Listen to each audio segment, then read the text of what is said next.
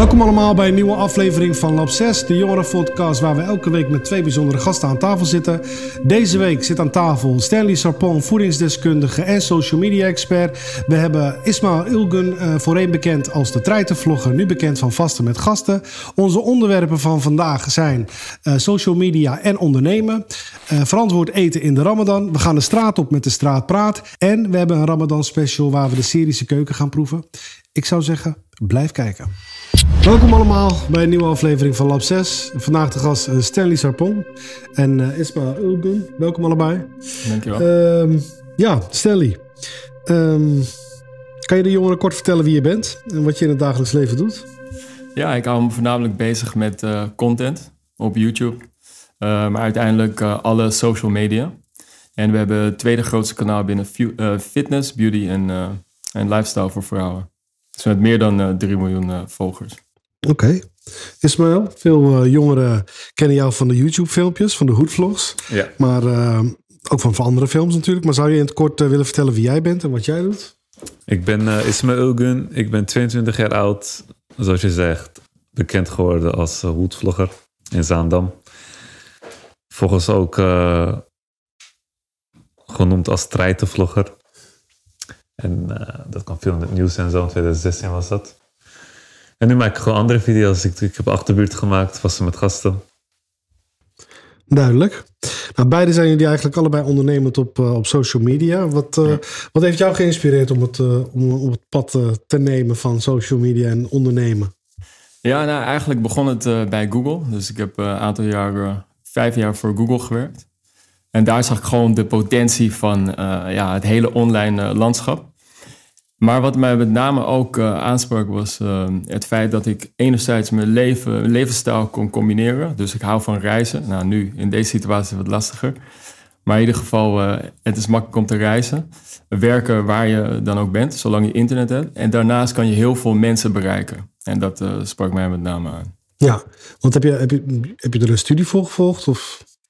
Nou ja, uiteindelijk heb je een basisstudie. Hè? Dus ik heb bedrijfskunde gestudeerd. Dat helpt.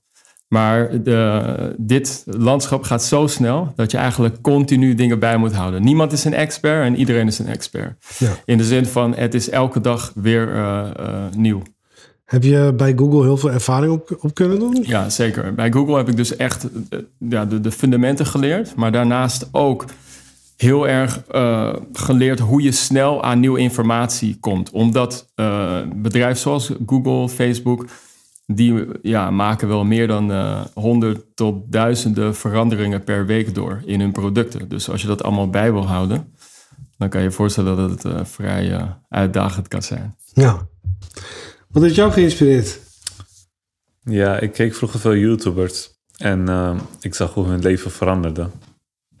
Zeg maar, ze begonnen met YouTube, zijn vet arm en ineens ze kopen een huis in Amerika ze onderhouden hun familie en zo. Toen dacht ik, Ja. oh shit man, dit is ook wat ik wil gaan doen. Geld verdienen met YouTube. Ja, ik dacht gewoon geld verdienen met YouTube. En ik dacht van, oké, met school ga ik sowieso nooit rijk worden, weet je. Waarom dacht je dat? Ik deed basis, dus op een gegeven moment ging het ook allemaal niet meer goed op school. Ik had ook concentratieproblemen. Ik denk dat ik concentratieproblemen had. Ik weet niet waardoor het kwam. Op een gegeven moment dacht ik van, oké, dit is ook iets wat ik leuk vind. En dit is wel iets wat ik voor de rest van mijn leven zou kunnen doen. Dus toen begon ik in 2011 met YouTube. Oké. Dat is ook het mooie, hè? in die zin van uh, het online medialandschap zoals YouTube, is dat het eigenlijk niet meer uitmaakt of je nou hebt gestudeerd of niet hebt gestudeerd. Vroeger, als je iets uh, ja, voor een groot publiek uh, wilde lanceren, ja, dan moest je de juiste mensen kennen. Um, je had de juiste kennis nodig. En nu is die kennis gewoon eigenlijk voor iedereen die maar een mobiel heeft, is dat dus. Uh, ja.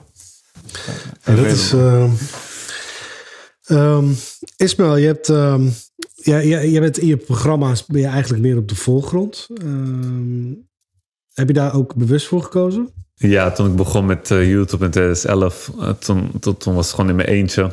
En uh, ja, ja wel, wel bewust voor gekozen. Ja. En wat voor invloed had dat op jouw privé, privéleven? Ja, veel. Ik bedoel, uh, iedereen ziet wat je doet. Iedereen kent je. Ze weten gewoon eigenlijk bijna alles over je. Dus uh, ja, natuurlijk heb je wel een privéleven, maar het is minder dan iemand die gewoon geen YouTube doet en die, die gewoon naar school gaat en werkt en weer naar huis gaat.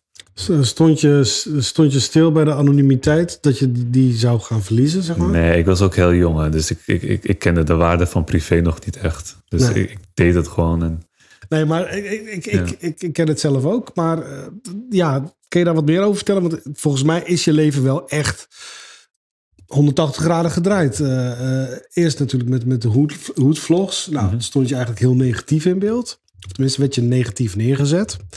Uh, nu, alhamdulillah, en weet je, echt uh, te gek om te zien ook dat je nu uh, programma's doet zoals Vasten met Gasten, maar ook Achterbuurten. Want volgens mij was het van hoedvlogs naar Achterbuurten ja. gegaan, toch? Achterbuurten ja. was als eerste. Ja. Uh, werd je daarvoor benaderd om dat te doen? Of? Oef, dat is echt gek gaan, man. Ja, er was een productiehuis en die had mij benaderd van, ik, ik, ik kende hem niet. En hij zei van, ik wil een programma met je maken, want je hebt toegang tot een community die, die normale journalisten niet kunnen bereiken. Dus hij stelde dit voor en ik dacht van, oké, okay, dit is wel tof, weet je. En ik denk ook nog niet, ja, ik weet niet of ik dat heel tof vond. Ik, ik was heel jong, dus ik was niet bewust. Ik dacht zo van, ik gewoon geld maken. Hoe oud was je toen? 19. 19 dus ik, ik dacht niet van, oké, okay, sta ik hier achter of vind ik dit leuk of... Nee, ik dacht van, weet je, je verdient geld, je moet rondkomen, je moet dingen betalen. Dus ik dacht van, ik doe gewoon wat, wat me aangeboden werd. En uh, op een gegeven moment ben ik het gaan maken. En ik heb natuurlijk, het is ook normaal, hè, als je ouder wordt en terugkijkt naar dingen. Dan denk ik van, ik had dit beter kunnen doen, dat beter kunnen doen. En ja, bepaalde keuzes. Ja, nu als ik er naar terugkijk, denk ik van, ik had zoveel beter kunnen doen. Maar... Uh, Want je hebt wel ja, wat meegemaakt. Ik bedoel, uh, je hebt er zelfs voor vastgezeten in het begin, toch? Ja, en, en tijdens hoedvlogs was het was gekker. Was, was gek. Uh, ja, maar goed, je, je hebt wel een mooie omkeer gemaakt. merk je wel dat door je ommekeer dat het zeg maar um, positieve werking nu heeft vergeleken met bedoel kreeg je vroeger kijk je hebt een verhaal hè je ja. bent van, van iemand die, die, die letterlijk elke dag in het uh, nieuws kwam als, als, als, als een slecht persoon en, en ja, kijk als je een beetje verstand hebt van de media als jou zeg maar willen profileren als een slecht persoon, dan lukt hun dat ook. Ja, en dat dus gaat je gewoon echt te framen. Ja, dat, dat, ja. dat gaat hun lukken, plus dat gaat je achtervolgen je hele ding is kapot. En, en om daar zeg maar bovenop te komen. Weet je, het, het, lukt niet iedereen. Dus ik denk dat ik daarin wel gewoon een uh, speciaal verhaal heb van, van iemand, zeg maar, die, die, die door AD heel slecht werd uh, neergezet. neergezet. Twee jaar later maak ik dan gewoon een documentaire voor hun. En dan win ik ook nog eens ja. een, een, een best social format voor, voor een best video online in de categorie met en de mol en ja. zo knol en zo. Weet je, het kan gewoon in één keer zo veranderen. Dus dat is wel gek, weet je. En uh, ik denk dat het wel speciaal is. Als ik zo terugkijk, denk ik ook van... Uh, weet je, heeft het, is het positief geweest? Ik, ik weet niet. Kijk, je kan het verhaal goed gebruiken en zo, maar, maar het blijft je achtervolgen. Kijk, uh, je blijft die Turkse treitenvlogger. Als Turk krijg je sowieso al minder kansen. Laat staan als je nog de Turkse treitenvlogger bent. Ja, heb je dat gevoel? Ja, dat is gewoon zo, man. Ik heb in de afgelopen drie jaar... De, ik heb zelfs bij de grootste platenlabel gezeten... en ik heb nog in drie jaar geen campagne gehad. En dat is echt wel genoeg, weet je. Als je kijkt naar YouTubers... Toen jij kent dat ook wel. Je krijgt vast zoveel campagnes. Ja. Dus dat begreep ik nooit echt. Ja, weet je wat het is? Ik, ik, ik, snap je, ik snap je punt. En het is lastig, omdat je moet precies in het uh, vakje passen van een bepaald merk. Ja, precies. En daar hebben zij een beeld bij van, oké, wie hè, uh, ja, kan dat goed, uh, goed uitoefenen? Ik ken een voorbeeld van een, een Spaanse YouTuber. Hij was een van de eerste YouTubers. En hij had vrij heftig gereageerd op Twitter over stierengevechten. Ja. Ah, dat is, ja. Dan zit je aan traditie. Zit je aan traditie. Ja. En als gevolg uh, heeft hij gewoon uh, meer dan de helft van zijn uh, um, sponsorships is die direct kwijtgeraakt. Dus je moet wel heel bewust zijn als je in ieder geval daar je inkomen van wil maken. Ehm, om te kijken van oké, ja, ben ik brand safe, zo gezegd. Maar tegelijkertijd moet je ook niet bang zijn, vind ik, om je eigen mening te uiten. En wij in die, in die zin, um, ons, ons inkomen hangt niet puur af van sponsorships. En ik denk dat dat een gezondere... Waar dan? Nou, wij verkopen ook heel veel eigen producten. Eigen producten, Dus ja. als je dat doet, Dan Ja. ben je minder afhankelijk en kan je ook meer nee zeggen. Ja, want, want Stanley, want we gingen natuurlijk net naar Ismaël, die zit natuurlijk meer op de voorgrond. Ja. Jij zit natuurlijk meer op de achtergrond. Ja. Eh, ehm, want je, hoeveel, hoeveel volgers hebben jullie nu bijvoorbeeld op, op YouTube, als ik vragen mag? Ja, we hebben meer dan eh 3 miljoen volgers. We zijn het tweede grootste kanaal eh, binnen beauty, lifestyle, fitness voor vrouwen de Spaansprekende eh, wereld. We hebben inmiddels vier kanalen. Het Spaanse kanaal is het, eh, het grootste. Ehm, ja, en we hopen naar meerdere eh, talen te gaan. De reden dat ik eh, in eerste instantie meer achter de schermen ben begonnen is omdat ik heel duidelijk de vrouwenmarkt op wilde. Ja. Dus we hebben een partner. eh, Is, dat, is daar ook een bepaalde reden voor? Waarom je echt specifiek de vrouwen... Ja, ja, ja. nou, kijk, twee, twee dingen. Natuurlijk, geld is zeker, eh, is, is, eh, hè, speelt, speelt een mooie rol erbij. Ehm, ik zei net al, eh, als je kijkt naar de Spaans type vrouwen, dus ook de Latina's, zij bepalen 80% van het, het, het, in, het huishoudelijk inkomen. Inkomen. Dus met andere woorden, er moet een koelkast gekocht worden. Wie bepaalt het uiteindelijk? Dat soort De vrouw. ja, inderdaad. Nou, dus op het moment dat je een vrouw bereikt, bereik je de eh, familie. Ja. En er is ook een, eh, een Afrikaans gezegde. En die zegt eigenlijk van oké, als je ehm, een man onderwijst, dan onderwijs je een individueel. Als je een vrouw onderwijst, dan onderwijs je Gezin. Een gezin of een familie. Dus nogmaals, mannen kunnen natuurlijk ook die vrouwelijke eigenschappen hebben, maar het, het, brengt wel met zich mee dat dat wel meer impact eh, heeft. En uiteindelijk was het voor ons ook, we zagen heel veel content voor mannen binnen fitness en lifestyle. Echt eh, Ja. eh, gemaakt en niet zoveel voor vrouwen. Dus. Ha- ha- Had je moeite om op de achtergrond te werken? Nee, daar heb ik geen moeite mee. Natuurlijk eh, is het niet iets dat, eh, dat ik puur op de achtergrond Nee. eh, blijf. Sterker nog, eh, in het begin, met name omdat het vrouwen zijn, ehm, en zeker als ze bepaalde foto's delen van hun resultaten, en sommige zijn ja, wat, wat schaarser dan andere, dan moet je daar heel, heel, heel respectvol mee omgaan. Dus ik wil niet zoveel op de voorgrond daarmee gaan, maar nu zijn die vrouwen juist degene die ook van mij mijn aandacht vragen. Ehm, en ook van, vanuit de voeding, wat meer mijn, mijn eh, expertise ook is, Ja. ehm, wordt natuurlijk heel veel vragen gesteld. Dus daardoor dat ik ook meer op de voorgrond eh, nu kom. En ook met het boek wat eh, binnenkort Ja. uitkomt. Ja, bijzonder. Want ehm, je bent nou, Amsterdammer, om het zo te Ja. zeggen. Je bent gaan studeren bij Google in, in Ierland. Ja. En je bent uiteindelijk geëindigd in Spanje. Ehm, had je daar een beetje bewust voor gekozen? Of? Ja, dat is een hele goede vraag. Ik, eh, het is zo dat op een gegeven moment als je in, eh, in eh, Dublin zit, Ierland, waar het hoofdkantoor van Google Europa zit. Ja, het is fantastisch. Het is alsof je zeg maar de hele VN hebt. In de zin van alle landen bij elkaar. Ja. Eh, alle talen. eh, iedereen heeft wat interessants te melden. En je wordt ook nog eens betaald. Hè? Dus dat is dan eh, fantastisch. Maar wat me niet aanstond was de regen. De continue regen. ja, zaten er heel veel be- beperkingen, laat ik het zo stellen? Nee, ik bedoel gewoon meer het klimaat. Het regende bijna Oh, elke dag. dus dat was iets van, ja, ik ben meer een man van de zon. Dus op een gegeven moment, ehm, eh, toen ik een, ehm, een start-up ben begonnen, ehm, toen dacht ik van, oké, ik ga naar een wat zonnigere plek. En zo ben ik uiteindelijk in Spanje terechtgekomen. Dus Ja. dat is eigenlijk meer het... eh, Sprak het- je toen al Spaans of nog niet? Nee, ik sprak helemaal geen Spaans. eh, ja, wat, nu, nu eh, spreek je het vloeiend. nu spreek ik vloeiend, inderdaad. Dus Ja. ja. Heel bijzonder. ja. Ehm Ismaël, in het verleden werd je eh, vanwege je programma De Hoedvlogs door ehm, media ook als de Treitervlogger genoemd. Nou, we hebben het al een paar keer benoemd. Daarna heb je hele andere programma's gemaakt, dus achterbuurten. Ehm, maar ook met bekeerlingen heb je iets gedaan. Ja, klopt. Ja. Ehm, en vasten met gasten. Ja. Ehm, kun je vertellen over die verandering? Want je bent natuurlijk wel een andere weg ingeslagen. ja, het is een lang verhaal. Ja, je mag het vertellen. Kom maar op. Jij weet zeker? Ja, zeker. Ja, ik, eh, ik had ja, met die hoedvlogstijden, toen, toen was het allemaal echt pap in het licht. Vet veel views, vet veel aandacht en zo. En Ja. op een gegeven moment zeiden die ons van, ja, wij willen er niet meer op, weet je. Kreeg je problemen met de jongens uit de buurt? Of Nee, niet per se probleem, want ze wilden gewoon niet meer door al die Ja. drama en zo. Dus Ja. oké, toen zijn we gestopt en toen wist ik niet meer wat ik moest doen. Ik dacht van, nee, ja, wat moet ik nu in mijn eentje gaan doen, weet je. Ja. Toen zat ik eh, vijf maanden thuis, heb ik niks geüpload. Toen was ik gewoon, ja toch, ik wist niet wat ik moest doen. En toen dacht ik van, wat moet ik met mijn leven doen? Snap? Ik wil niet Afhankelijk. ik, ik wil niet teruggaan en weer hangen en weer niks doen. En dat is niet wat ik wil, toch? En ik wilde al sinds 2011 al gewoon iets met YouTube doen. Dus op een gegeven moment, ehm, het is gewoon gek. Op een gegeven moment eh, ging ik met niemand meer om, vijf maanden lang. En toen eh, dacht ik, ja, kijk, ik blode ook veel, hè. Ik, ik blode echt veel.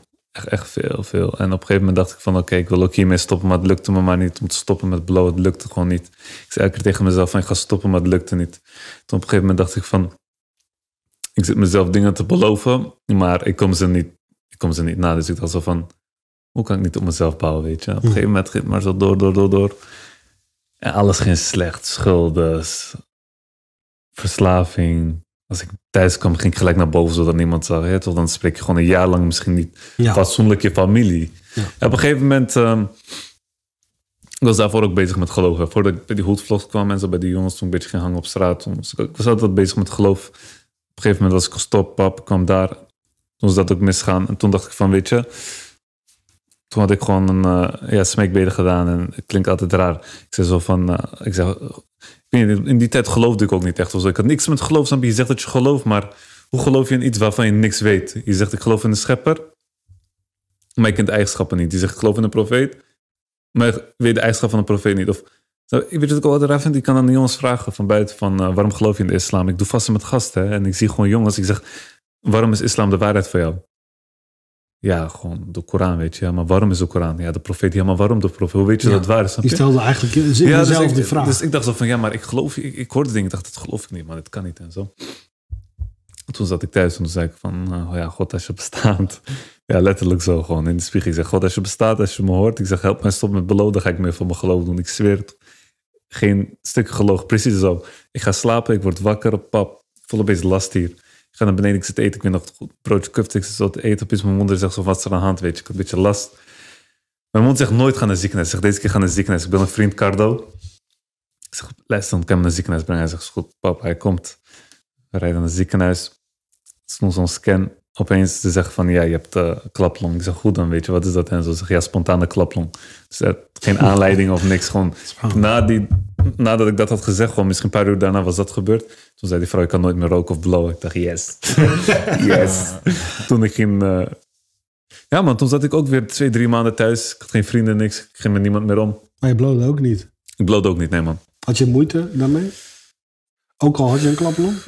Bro, is echt een van de ziekste verslavingen ooit, man. Ja. Is lijf, man. Echt, eh, is echt moeilijk. En ik zou nooit kunnen stoppen als, als, als ik zeg maar die angst niet had om, om zeg maar weer zoiets te krijgen. Ja. Of, snap je? Je wist gewoon dat als je nog verder zou gaan, dat het gewoon je leven... Ja, snap je? Dus ik dacht zo van, weet je, dat. Ik was gestopt, ik was blij, pap, pap. En toen... eh, ik kwam mensen tegen, weet je. En die zeiden van, ja, wij hebben medressen ik je naartoe had gebracht en zo. Ik had eerst gesprek, ik weet nog, met eh Enver, Janab en Ibrahim. Wilden ze me overtuigen, weet je, van geloof dit en dat. Toen zei ik, ik zei nog van, ik ben niet eens met dit. Ja, toch? Ja. Ik zeg, ik, ik voel dit niet. Ik, Je had er geen affiniteit mee. Nee, nee. En toen op een gegeven moment, eh, kort samengevat, toen was ik bij een vriend. Die vriend ging naar die medresa toevallig. Hij gaat ook bijna nooit. Misschien één keer in het jaar. Toevallig die dag ging.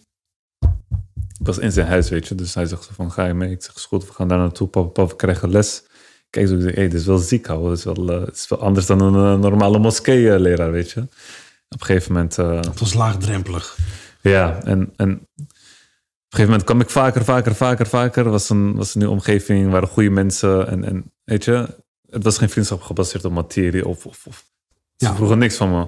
En als het was gratis, thee, ja, toch gewoon, het was gewoon gezellig, de vibes, gesprekken. Toen hadden we het over filosofie en zo. Ik denk, hé, hey, wat de fuck is dat? Je weet toch, ik heb er nog nooit van mijn leven van gehoord. En daarvan, ik zeg ook altijd, ik kende Mark Rutte niet. Ik, ken, ik wist niks van de wereld. Ik wist niks, toch, je bent elke keer met die boys, toch? Je hebt het alleen maar over Je dezelfde kijkt geen shit. nieuws, je bent niet op de hoogte van de En toen dacht ik van, luister dan, ik wil mijn leven veranderen. Toen dacht ik van, waar moet ik beginnen? Ik begon met een jongen eerst te praten natuurlijk over geloof. Ik was vet kritisch. Echt. Misschien hebben ze zes maanden lang mijn best gedaan om het te overtuigen. Toen dacht ik van, oké man, nu heb ik de goede antwoord. Want je hebt toch die Turkse... Iemand die zegt ook zo van, ja, hoe kan je zoiets vragen? Of je hebt toch, ik denk, hé, wat, wat is dit, weet je? Ik moet wel antwoord krijgen om gewoon geen twijfels te hebben. Toen bij die medres, hè, daar waren echt mensen die gewoon intellectueel best wel hoog waren. Universiteit hebben gestudeerd, refereerden vanuit wetenschap, filosofie. En ze gebruikt alles. Dus op een gegeven moment dacht ik van, oké, nu geloof ik wel. Duurde best wel lang. En toen eh, dacht ik van, oké, hoe kan ik mezelf nu verbeteren? Ik wil ook meer praten met, met, met deze mensen. En toen begon ik gewoon boeken te lezen, pap, pap, pap. Ja, En eh, zijn- Waren dat Turkse boeken of Nederlandse boeken? eh, Nederlandse boeken, Turkse boeken, van alles. Ja. maar dat heeft je eigenlijk wel weer een beetje op het rechte pad gebracht, om het zo te zeggen. ja, man, zeker. Zeker, jawel. Ja. Ja. Ehm, wanneer kom je tot het punt om bijvoorbeeld een vaste met gasten te gaan maken? Of eh, laat ik het alleen beginnen? Want je begon natuurlijk eerst met bekeerlingen, als het goed is. Of Nee, nee, eerst met vaste met gasten. met gasten. Want Ja. dit is de derde seizoen waar je nu mee Dus bezig de bent. eerste keer heb ik het voor AD gemaakt. En eh, nadat ik bij AD ehm, het had gemaakt, was ik de volgende seizoen eh, voor mezelf begonnen. Dus toen had ik het zelf gedaan. En derde seizoen heb ik het ook. Nu doe ik het samen met Top Notch. Kees Koning helpt me wel een beetje. En, eh, maar ja, het produceren, het bewerken, Ja, dat doe ik dat wel doe je zelf. Ja. Je bent eigenlijk gewoon een one-man show. Want uiteindelijk, eh, je, je, doet, Ja. je, je bereidt ook de interviews zelf voor. Ja, ja, Je zoekt ook zelf je gasten. ja. Je edit zelf. Dus het is wel een soort van dagtaak waar je, wat je eraan kwijt bent. Ja, ja, ja, maar ja, toch, ik vind mezelf nog steeds... Als ik, als ik hoor wat hij doet, 250 video's in een week, dan denk ik van wat... Ja, Dan begrijp ik soms van, oké, is maar wat zeur ik over campagnes? Ik werk niet eens. je? Als ik Ja. begin te werken, als ik ook 250 video's in een week ga maken, dan eh, gaat het balletje wel rollen. Ja, goed, je kan altijd advies vragen aan, eh, aan Stanley. eh. Altijd, dat zeker, gebied. zeker. Nee, maar ik bedoel, ik vind het mooi om te horen dat je in die zin, eh, zoals ik het zie, van het gif je medicijn hebt gemaakt. Dus dat is mooi. En ik denk op het moment dat je een missie hebt, of in ieder geval perspectief, dan kan je daar ook aan eh, committen. En dat zien we ook met heel veel van vrouwen die op ons kanaal zitten. Want uiteindelijk, het begint vaak met iets heel simpels. Ik wil afvallen of ik wil hè, mijn, taille wil ik wat, wat, wat slanker hebben. Maar uiteindelijk zit er vaak iets veel diepers achter. En op het moment man. dat je daar achter komt, dan Ja, komt man. uiteindelijk wat onze slogan is: confidence Ja. is our best make-up. Ja, man. Ik, ik, ik had dat vooral. Ik had, zeg maar, ik werd heel veel... eh, als iemand je de hele dag iets gaat noemen, dan ga je er ook niet per se in geloven, maar je gaat twijfelen. En dan Ja. zie je allemaal reacties en zo. Ja. Toen was het voor mij zo'n moment van... Oké, ik moet nu weten wie ik ben, om te weten wie ik niet ben, weet je? Ja. En toen ik daarachter kwam en wist wat ik wilde en zo, toen dacht ik van oké, wat die andere mensen denken, boeit me ook niet meer. En dat, dat is heel belangrijk, want je kan zelfs die testen doen met een plant. Op het moment als je eh, tegen een plant eh, gaat schreeuwen of eh, heel negatief gaat doen, zie je ook dat die plant veel sneller doodgaat. Of in ieder geval minder bloeit. Nou, Dus het heeft wel degelijk effect wat mensen tegen je zeggen. En dat wordt heel vaak eh, ja, een soort van onderschat. Onderschat inderdaad. Dus het is heel belangrijk. Hey, ehm, jullie zijn eh, beide als ondernemer ehm, natuurlijk heel erg actief. Eh nou zijn er heel veel mensen die zijn hun baan kwijtgeraakt of Ja. die zitten eigenlijk thuis vanwege de coronacrisis. Eh, hoe zit dat eigenlijk bij jullie? Ik bedoel, Ik zeg je eerlijk, eh, dan, dan moet, ik ben de slechtste ondernemer die er bestaat. Neem geen tips van mij aan. Zakelijk ben ik helemaal shit. Alles wat ik heb geprobeerd op ondernemingsvlak is gewoon gefaald. Enige waar ik goed in ben is doen wat Nou. ik leuk vind. nou, ik bedoel, het, is, het, is, het, is, geen falen. Ik bedoel, eh, uiteindelijk heb je, heb je wel hele succesvolle programma's. Als ik kijk naar Ja. Vasten met Gasten, trekt heel veel publiek aan. Ja. En ik denk ook dat je als een van de eerste een initiatief nam om een programma te maken met, eh, ja, ik bedoel, het, het is een heel pakkend onderwerp. Dank je. Dus eh, Ja, op dat gebied, oké, kijk, daar, daar kan ik wel voor mezelf, van, zelf, voor mezelf zeggen van, oké, dat is wel een programma waar ik trots op ben. Maar zeg maar op het ondernemingsvlak, dan ben ik echt heel slecht in. Dus eh, ja. Maar hoe doe je dat bijvoorbeeld nu? Want je, meestal zit je in de auto met je gast en hoe neem je nou op? Nou, hou je afstand? Of? ja, ik hou wel... ik hou wel afstand, ja, toch?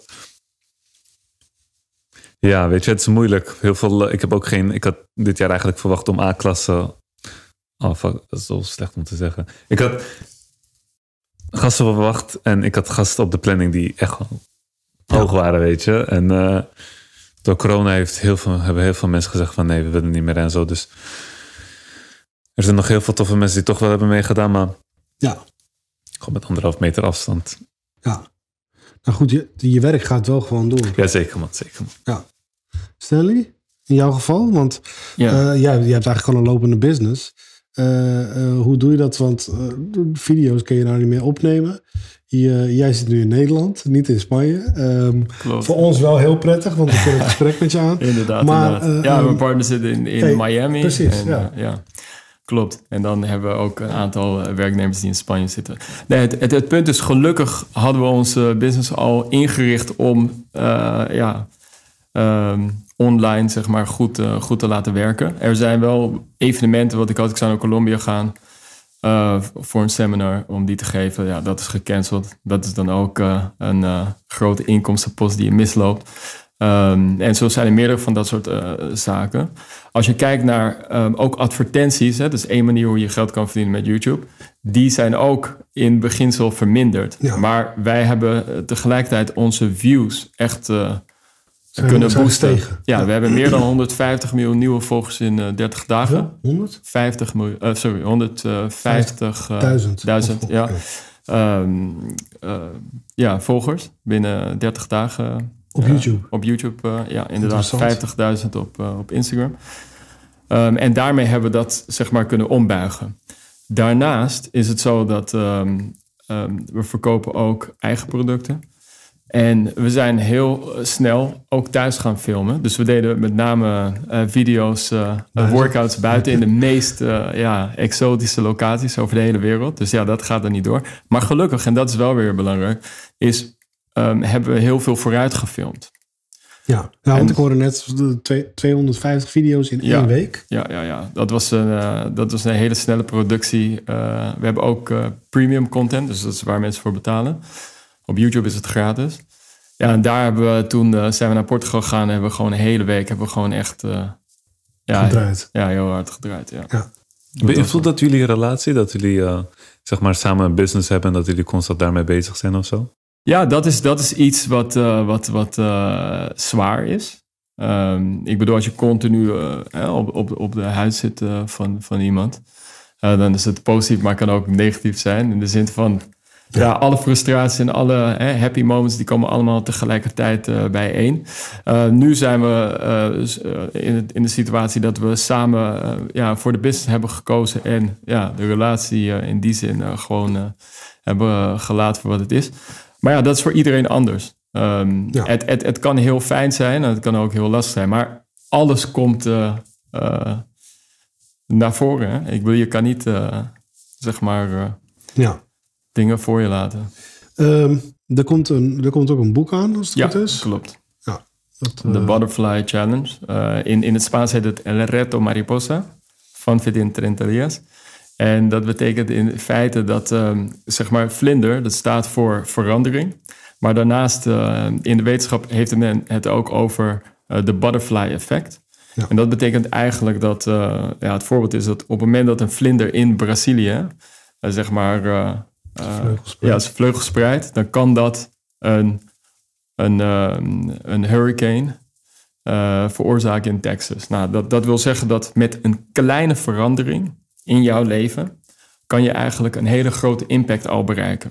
Ja. En dat is wat jij ook hebt laten zien. Eigenlijk heb je nu met gewoon een mobiele telefoon uh, in je zak, kan je eigenlijk al een YouTube-kanaal beginnen. Je hebt daar niet zoveel meer voor nodig dan je eigen talent en, uh, en ga maar. Ja. Stanley, heb, je, heb jij nog uh, tips voor jongeren wat betreft het ondernemen op social media? Ja, ja zeker. Ik denk uh, nummer één is echt durf. Dat is het allerbelangrijkste. Uh, zonder schaamte, ga proberen. Ik kan je een mooi voorbeeld geven. Ik heb uh, nu een partnership met een, um, een, uh, een team in Ierland die een product hebben ontwikkeld om kinderen vanaf zeven jaar te leren hoe ze met financiële vrijheid, of hoe ze eigenlijk financiële vrijheid kunnen creëren en eigen businessmodellen.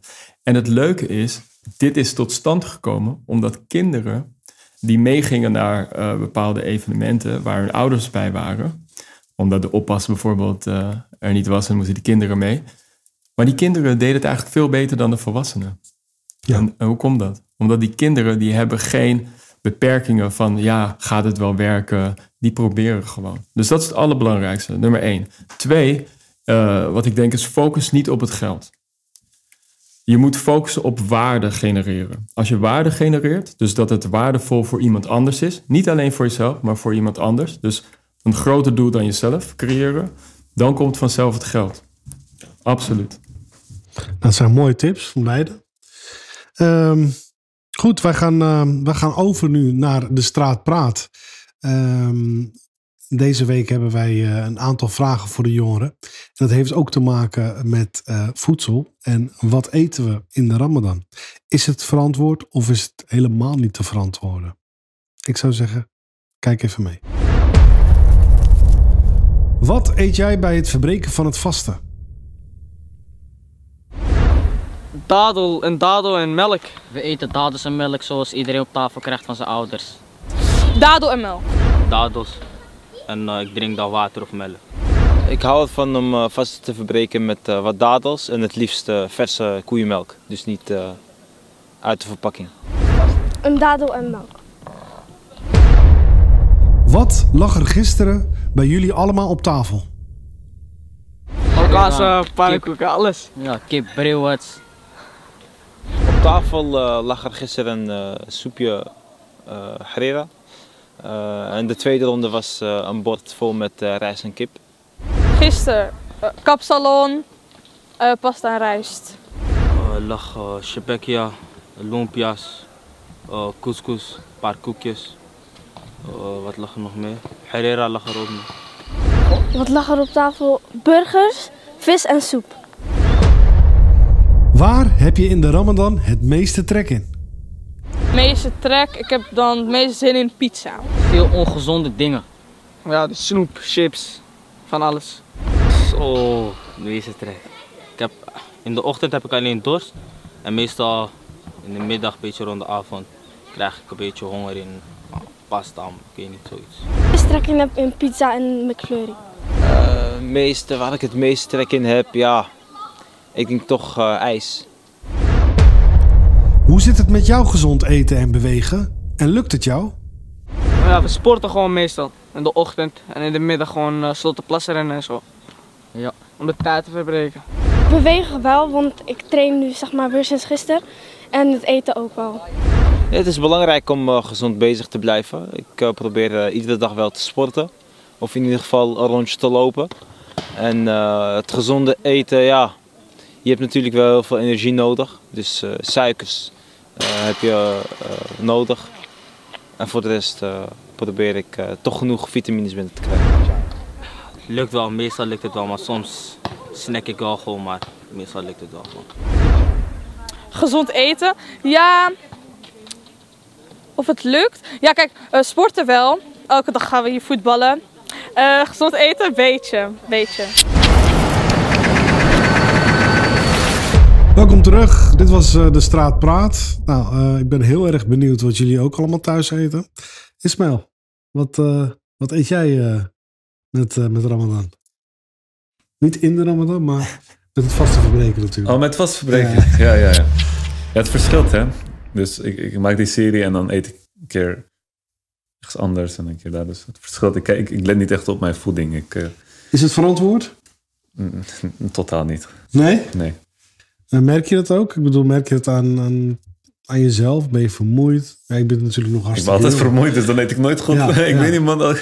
Nee, ik, uh, nee ik, ik ben daar nooit echt bewust bezig mee geweest met eten, voedsel, gezondheid. Nee. Ik bedoel, uh, drink je bijvoorbeeld uh, Red Bull? Uh, nee, ik drink, nee, puur omdat ik dat niet lekker vind. hey, ik, ben la, ik, ben, ik ben begonnen met koffie. En ik was echt anti... Ik was laatst anti-koffie. Ik was anti-mensen die ja. koffie dronken. En nu drink ik zelf koffie. Dat is wel gek. Maar energie, dit en dat, nee, dat doe ik allemaal niet. Daar hou ik niet van. Nee. Ik ga niet van prik. Oké, okay, dus dat, dat is op zich wel... Maar snacks, deeg en dat soort uh, ja, dingen. Ik weet alles wat ik lekker vind, gaat er gewoon in. Je weet toch dat ja. het halal is. Je weet zelf. Netjes. Doe je ook wat aan sport? Sport? Ja. Wat is dat? nee, maar nee, ik sport niet, man. Nee. Nee? nee ik heb gebokst, maar uh, ja, nu met corona en zo. Ja, staat het even stil. Ja. Snelly, jij ja. bent uh, ook voedingsdeskundige naast dat je social media expert bent. Um, je doet daar niet mee aan de Ramadan, maar wat is jouw advies als iemand de hele dag niet heeft gegeten? Um, zeker wat betreft uh, voedzaam eten. Ja, zeker. Nou, op zich, uh, het mooie eigenlijk is dat het uh, juist heel gezond kan zijn om te vasten. Hm. ook binnen fitness hoor je steeds meer over intermittent fasting. Ja. het onderbreken van, van ja, je eetpatroon.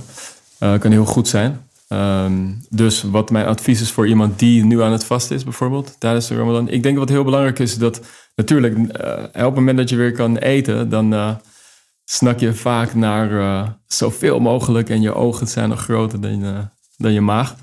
En dan krijg je heel snel al last, hè? dus eh, met allerlei eh, eh, problemen van dien. Dus wat heel belangrijk is, is gewoon ehm, veel water te drinken, zeker in de ochtend. Ehm, omdat je ja, anders eh, Dehydrate. uh, ja, dehydrate inderdaad. En daarnaast denk ik wat belangrijk is, is dat probeer zoveel mogelijk suiker te vermijden eigenlijk. Suiker is toch wel een van de grootste killers. En dat is eh, bij ons wel een groot probleem. ja, dat is een heel groot probleem, dat snap ik. Maar wat je dus kan doen, om een voorbeeld te geven, dadels. Het is veel beter dan toegevoegde suikers. Dadels hebben ook de vezels, dus als je iets zoetigs wil, neem dan een aantal dadels, een paar amandelen. Ja, hey, prima. man. Hoe zie je dat wel? gewoon, in islam is dat gewoon sunnet en kijk gewoon... Ja, wij kiezen voor eh, energiedrankjes eh, en dergelijke.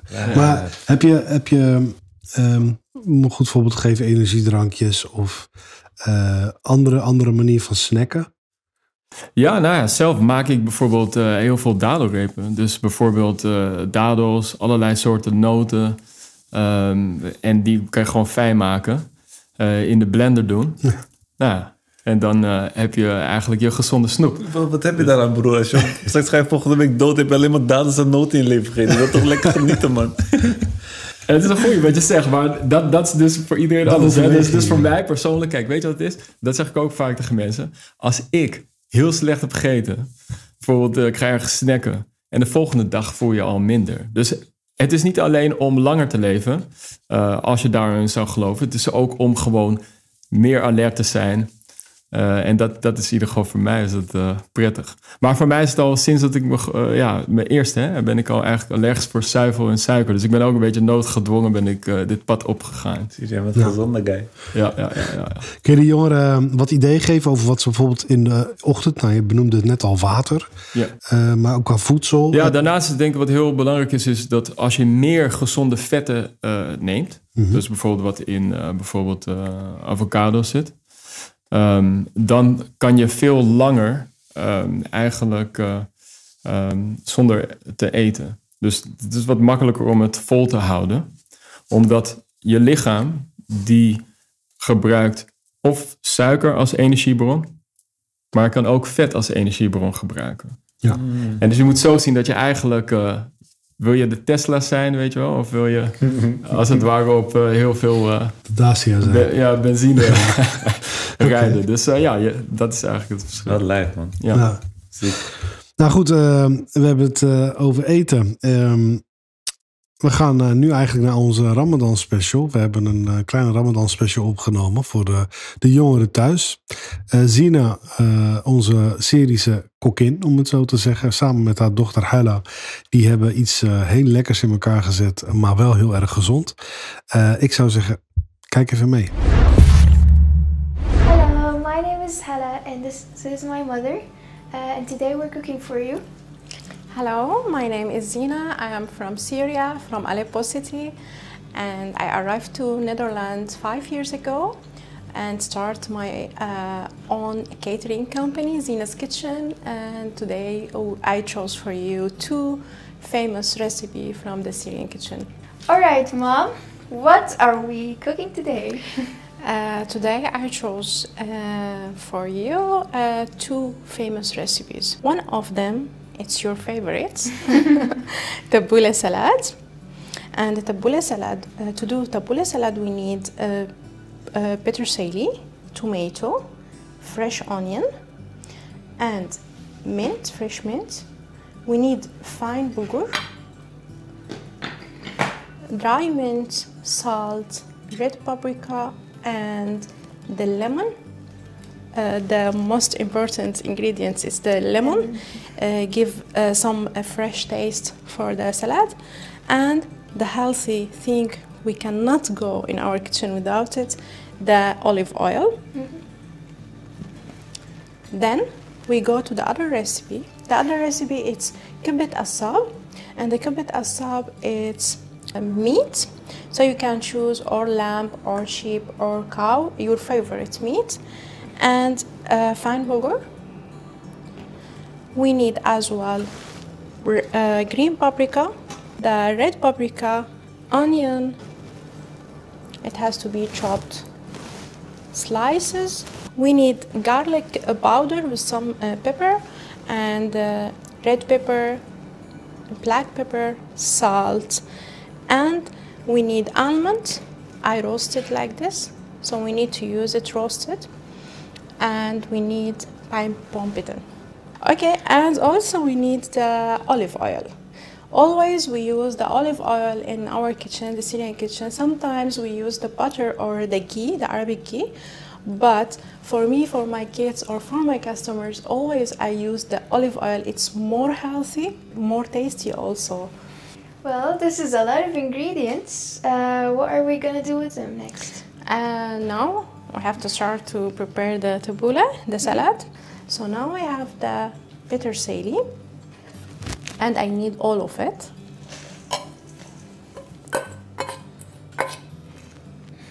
I need as well the mint. Also I cut it the tomato. I will not take all of it. I will take the big part and I will leave a little bit for decoration like this. The chopped uh, fresh onion. We need all of it. So as you see we chopped everything very fine. And now we add the mint. We need two small spoons. I like it a little bit chili not too much so I will add just one small spoon we need a little bit salt so we need two spoons to make it a little bit clear. It doesn't have to be salty, but clear taste. And the bulgur, I put it in the water a little bit, so we don't need to cook it, just put it in the water. And we need to mix them now with the vegetables. So now I will add the uh, lemon juice. And for this amount I need two lemon juice. And I will add now the olive oil and I need half cup. Now we mix them all together.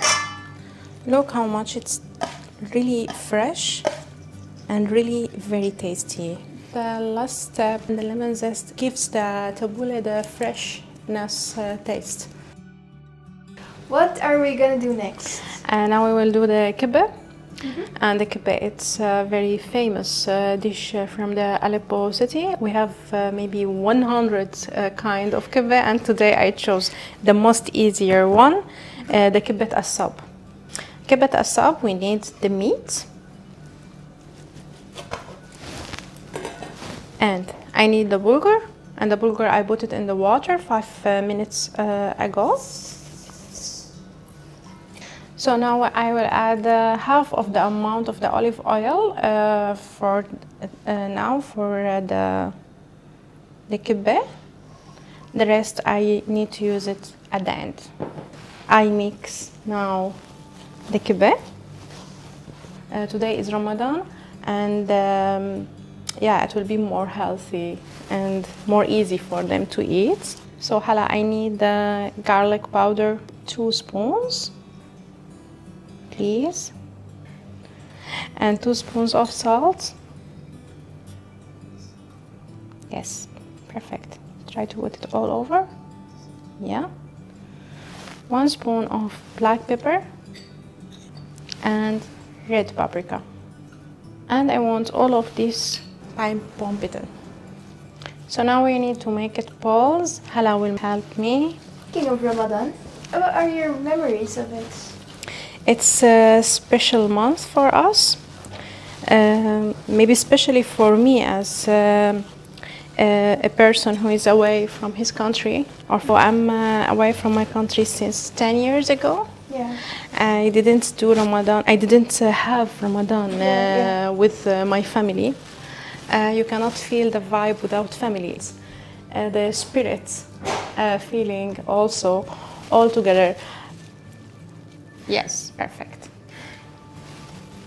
But as you see, I put the olive oil, the rest of the cup here in the tray to bake it all together. And I will add the onion here and the paprika, the red paprika and the green paprika. We put it in the oven 20 minutes, 180 degrees. So we are going to cut the bread in this shape. I will be ready to make the presentation of our meal. Paprika, roasted almond, the bitter sally. I hope you like it and you enjoy uh, and enjoy it to eat it also as well. Nou, dat was eh, Zina met Hella. Ehm, ben je geïnteresseerd in, ehm, in de Syrische keuken? Eh, ik zou zeggen, bestel hem op bol.com. Eh, mijn Syrische keuken van Zina Aboud. Ehm, het recept van vandaag zal later deze week ook op de site staan. Dus ik zou dat zeker checken.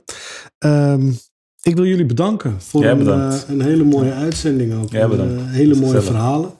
Eh, en ik wens jullie ook heel veel succes. Eh, hoeveel, hoeveel afleveringen komen nog van Vasten met Gasten? Vasten met gasten. Ik heb er nu vier gedaan, nog acht. Nog acht komen eraan. Supermooi. Stanley, wat kunnen we van jou nog verwachten? Ja, heel veel. Eh, het boek wat uitkomt eh, in oktober. Eh, daarnaast zijn we bezig met eh, ja, eigenlijk allerlei soorten eh, shows op, eh, op YouTube. Funfit en Susanne Jabbar. Dus ik zou zeggen, volg het. En, eh, Nou, ik wens jullie nogmaals beide succes. Mijn naam is Sami Toenzi en dit was Lab 6.